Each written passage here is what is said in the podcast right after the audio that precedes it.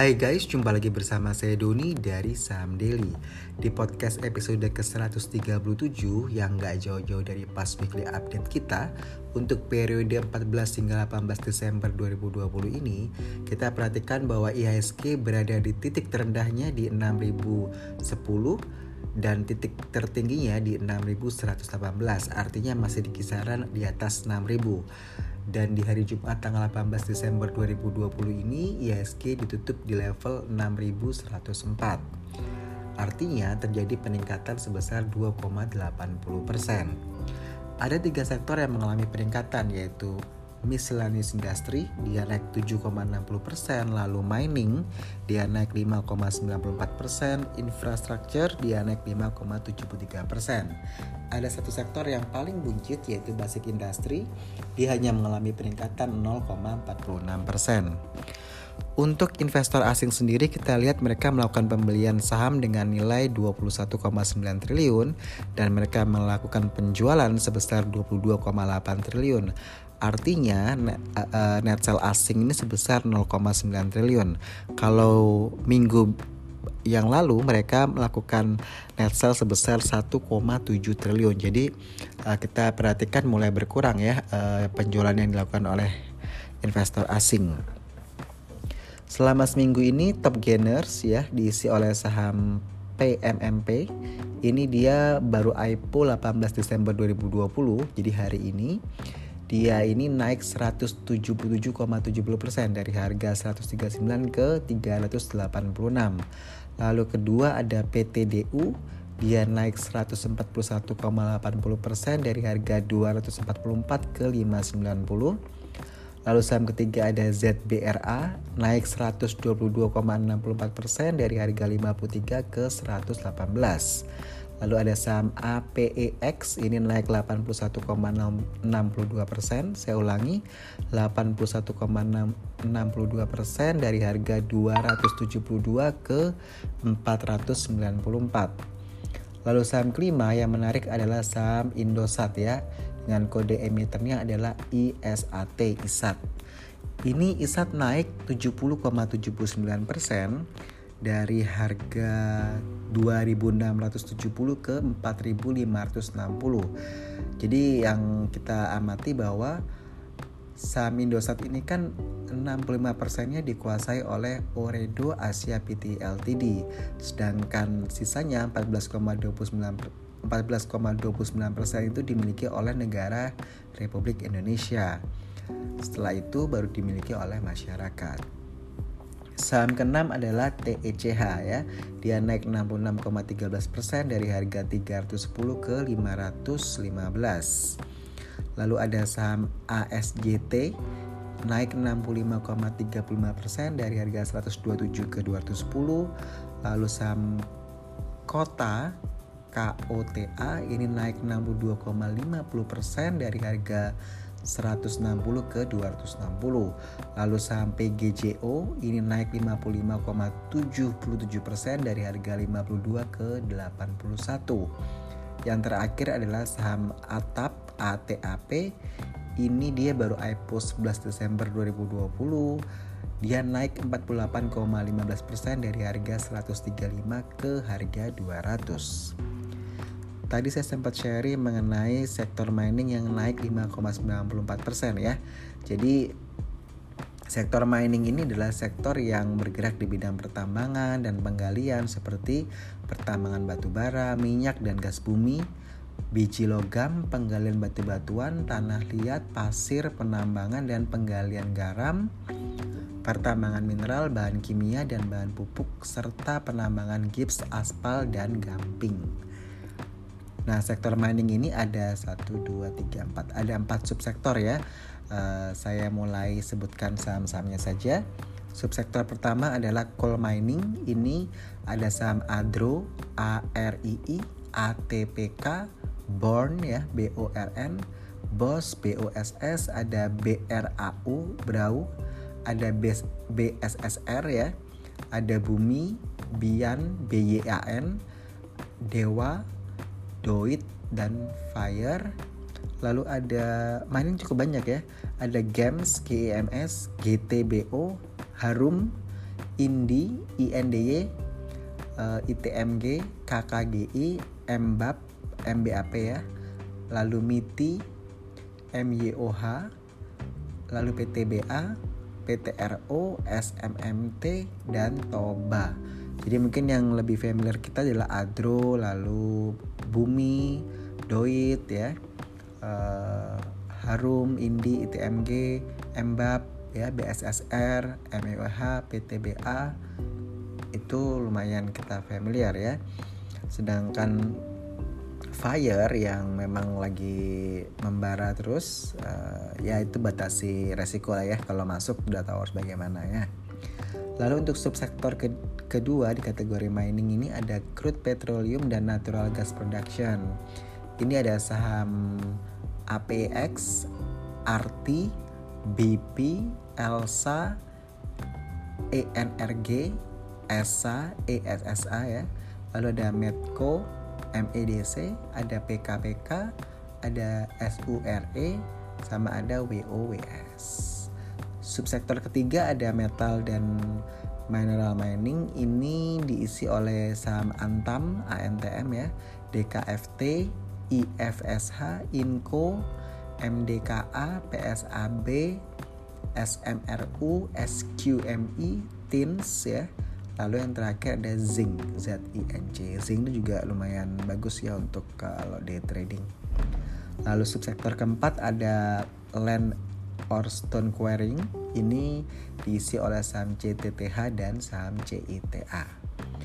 Kalau kita perhatikan yang menarik di minggu kemarin ini adalah hari Kamis dan Jumat ya. Kalau di hari Kamis itu saham-saham konstruksi dan semen yang naik jadi saham-saham seperti WSKT, ADHI, PTPP, Wika, SMBR, WSPP, Weton, SMGR dan INTP itu naik begitu ya. Yang memang uh, kita lihat bahwa kenaikan saham-saham konstruksi dan semen ini karena pemerintah sudah menerbitkan payung hukum peraturan pemerintah uh, melalui pembentukan lembaga pengelola investasi atau kalau kita kerennya bilang SWF ya, Sovereign Wealth Fund ya, yang sudah diamanatkan di Omnibus Law begitu. Sehingga ketika hari Kamis kemarin prop, uh, saham-saham properti dan semen itu memang naik begitu ya, lagi manggung kita bilang ya. Jadi kan kalau SWF ini yang Sovereign Wealth Fund itu uh, benar-benar terbentuk itu kan akan mendorong pembangunan infrastruktur ya dan proyek-proyek strategis yang dikerjakan oleh pemerintah sehingga nantinya akan menguntungkan emiten konstruksi BUMN dan emiten semen. Lalu kita juga melihat bahwa di hari ini, di hari Jumat ini, sektor properti yang naik. Jadi kalau kalau hari Kamis itu yang naik itu konstruksi dan semen, nah di hari Jumat ini yang naik adalah sektor properti. Jadi memang kalau kita lihat bahwa kenapa sih sektor properti ini naik begitu ya? Itu karena keputusan dari rapat Dewan Gubernur Bank Indonesia yang memutuskan untuk tetap mempertahankan suku bunga acuan di level terendahnya yaitu di 3,75%. Jadi kalau rendahnya suku bunga ini pasti akan berdampak positif bagi sektor properti begitu ya. Yang paling gampang sih kayak uh, suku bunga kredit kepemilikan rumah ya KPR itu. Kredit pemilikan rumah KPR ini kan memang sangat sensitif dengan tingkat suku bunga. Jadi kalau sekarang karena COVID-19 uh, tingkat suku bunga rendah. Nah, orang-orang yang punya uang berlebih itu biasanya melakukan investasi dengan melakukan pembelian properti karena uh, memang uh, kita bilang harga properti lagi turun ketika dia COVID. Nah, kalau yang belinya secara nyicil, nah kan pasti nyicilnya ke bank tuh. Nah, ada namanya kredit pemilikan rumah. Nah, KPR inilah yang memang uh, diuntungkan jika suku bunga itu turun begitu ya. Kan dan kita ketahui bahwa suku bunga saat ini tuh di 3,75 persen begitu merupakan level terendah gitu ya. Jadi uh, dengan uh, gubern rapat Dewan Gubernur Bank Indonesia yang tetap memutuskan tetap di angka 3,75 persen ini menjadi uh, menjadi sentimen positif ya bagi uh, sektor properti begitu. Kalau yang properti ini kita lihat saham-saham seperti Asri, APLN, CTRA, SMRA, P1, BSDE dan LPKR itu yang memang mengalami uh, kenaikan. Yang paling tinggi adalah CTRA yang menarik, dia naik 11,46%. Lalu yang kedua ada saham BSDE, dia naik 6,56% Lalu yang ketiga ada saham SMRA, dia naik 4,68 persen. Lalu P1 itu dia naik 4,55 persen. Lalu ada juga Asri ya, Asri ini naik 3,73 persen. Ini saat saya buat podcast ini kan di tanggal 18 uh, Desember 2020 Artinya kita sudah akan memasuki minggu ketiga di bulan Desember 2020 Di mana yang kita amati ke depan itu adalah saham-saham untuk Januari 2021. Ada lima saham yang menarik ya kalau kita lihat secara tren di bulan Januari mereka selalu menguat. Satu di sektor perbankan, lalu satu di rokok, satu di animal feed, yang dua ada di konstruksi dan ya tidak terlalu banyak karena uh, November itu kita sudah rebound yang cukup besar ya November itu lalu Desember juga uh, naik di mana ISG tembus 6000 ya. Jadi kalau kita bilang bahwa uh, sektor consumer yang sebenarnya lagi lagging gitu ya. Saya sempat uh, bahas di podcast sebelumnya bahwa ada tiga saham yang kita amati lagi dijual terus begitu ya. Dan memang Eh, kita sudah melakukan satu pembelian ya uh, untuk mulai akumulasi di satu saham tersebut. Sisa dua yang ada dua saham yang belum kita masuk karena kita masih nunggu timingnya begitu ya. Uh, ya timing itu penting banget ya uh, ketika kita ingin masuk ke membeli suatu saham dan kita harus tahu bahwa timing harus pas begitu. Jadi saya ambil contoh ya misalkan animal feed begitu. Animal feed itu memang uh, minggu ini juga naik ya. Uh, teman-teman bisa perhatikan bahwa saham-saham Cepin, JPFA, Main itu dia sudah uh, kita lihat trennya udah positif begitu ya. Uh, jadi kalau buat kita sendiri ketika secara teknikal sudah bagus ya kenapa enggak kita pilih salah satu begitu ya. Wah nggak boleh ya pilih tiga tiganya sebenarnya boleh boleh aja pilih Cepin main gitu ya terus JPFA gitu ya dipilih cuman kita harus melihat bahwa uh, kesehatan portofolio kita ya uh, balancingnya tuh pas nggak uh, rasio proporsional antara uh, lot yang kita pegang dengan total dari dana yang kita sediakan gitu. Ada yang mendominasi tidak. Kalau yang terlalu mendominasi kita nggak suka ya. Yang bagus adalah yang average yang rata-rata gitu di suatu saham.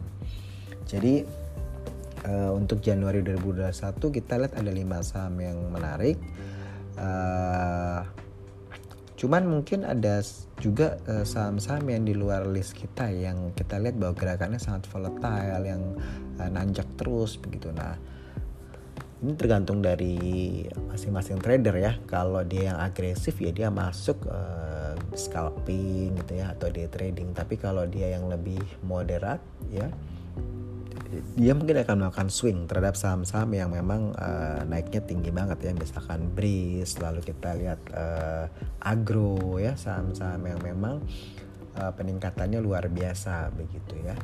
Jadi itu uh, tergantung dari kita punya style. Kalau dia konservatif nah dia lebih lama lagi kan uh, untuk buy and holdnya begitu. Jadi uh, mereka lebih tenang biasanya karena dia konservatif tipenya ya. Cuman kalau saham-saham yang biasanya di hold sama yang konservatif itu biasanya sih saham-saham blue chip ya. Yang memang uh, harganya juga secara uh, teknikal saat ini sudah tinggi ya sebenarnya gitu. Makanya saya bilang bahwa yang masih potensi itu adalah uh, consumer goods ya yang memang uh, biasanya dia paling apa kita bilang ya paling defensif begitu. Nah untuk teman-teman yang uh, punya waktu ya sudah saatnya anda mulai screening saham ya untuk saham-saham yang di tahun 2021 untuk investasi terutama sehingga teman-teman nggak uh, gelagapan ya kalau nanti udah uh, ganti ganti tahun masih bingung tuh uh, mau nabung saham apa begitu. Jadi sesuaikan saja uh, sudah bisa untuk melakukan analisa screening sehingga nanti di tahun 2021 teman-teman sudah tahu mau nabung saham apa untuk yang investor ya. Tapi kalau kita yang di uh, trader ya kita lihat bahwa uh, volume, frekuensi, price itu kayak tiga hal yang kita selalu apa ya uh, lihat kombinasinya begitu ya untuk analisa kita seperti itu. Semoga ini bermanfaat ya buat teman-teman semua. Uh, kita nggak bisa share saham yang tadi saya bilang ada lima saham ya untuk di Januari 2021 uh, ini sebenarnya lebih cenderung yang safety sih sebenarnya gitu. Bukan saya nggak mau bagi juga ntar saya dikomplain sama premium member ya. Eh, banyak yang suka uh, apa yang komplain karena kadang-kadang kan uh, di Instagram saham daily ya uh, suka uh, dibocorin dikit-dikit gitu. Jadi kayak wah kebocor nih gitu. Tapi sebenarnya uh, satu saham dibandingkan saham yang kita kasih itu kan uh, berapa persennya gitu ya. Jadi nggak masalah lah gitu. Toh itu semua juga teman-teman yang di Instagram juga harus melakukan analisa independen ya. Jadi jangan percaya juga oh di upload ini sama saham daily pasti ini akan terbang. Nggak juga gitu ya. Karena kan uh, teman-teman yang di IG itu nggak tahu time frame kita berapa lama gitu ya. Apakah uh, day trading atau kita bilang itu lebih ke swing. Nah itu yang setup setup seperti itu dengan trading plan memang adanya di premium member waduh kalau gitu harus ikut premium member. Nggak juga gitu kan? Uh, saya selalu bilang ya bahwa belajar itu nggak harus uh, di apa di premium member enggak gitu. Belajar tuh juga kita bisa baca buku kita bisa nonton tayangan di YouTube tentang saham kita bisa tanya teman-teman kita yang di komunitas saling tukar informasi begitu ya. Jadi uh, tidak ada yang kita bilang bahwa sesuatu itu gampang enggak gitu ya. Semua itu butuh proses begitu. Lalu kalau ini yang di DM kita ini paling banyak nih nanyain mengenai logi-logi ya. Bandarmologi lah lalu uh, bla bla logi lah nah seperti itu. Sebenarnya kalau ada artis atau public figure ya yang memang mereka masuk ke dunia saham gitu ya. Kita lihat ada beberapa yang memang mereka masuk di dunia saham ya. Dan memang memang itu juga sah-sah saja karena setiap orang bisa untuk uh, melakukan trading ataupun investing di saham ya. Tentu dengan punya KTP gitu ya ada buku tabungan jadi lebih memudahkan untuk proses pembukaan dari rekening dana investasi atau rekening dana nasabah seperti itu. Jadi kalau buat kita sendiri ya eh, kembali lagi bahwa semua prediksi itu apakah melekat ke suatu orang. Jadi ada yang fanatik ya misalkan wah saya suka sama si A nih wah pokoknya saya pokoknya apa yang A katakan saya akan beli tuh sahamnya. Nah tapi ada juga orang yang uh, oh si A bilang ini. Ya udah saya cek dulu. Kalau nggak sesuai ya saya nggak masuk. Nah saya lebih cenderung yang kedua ya tipikal yang oh ini orang uh, influencer atau oh memang orang ini tokoh ini sudah punya nama ya untuk di bidang ini begitu. Ketika dia menyebutkan suatu rekomendasi saya nggak terlalu mentah-mentah ya. Istilahnya kita harus menfilter bahwa oh ini yang memang uh, sesuai dengan trading rules kita begitu.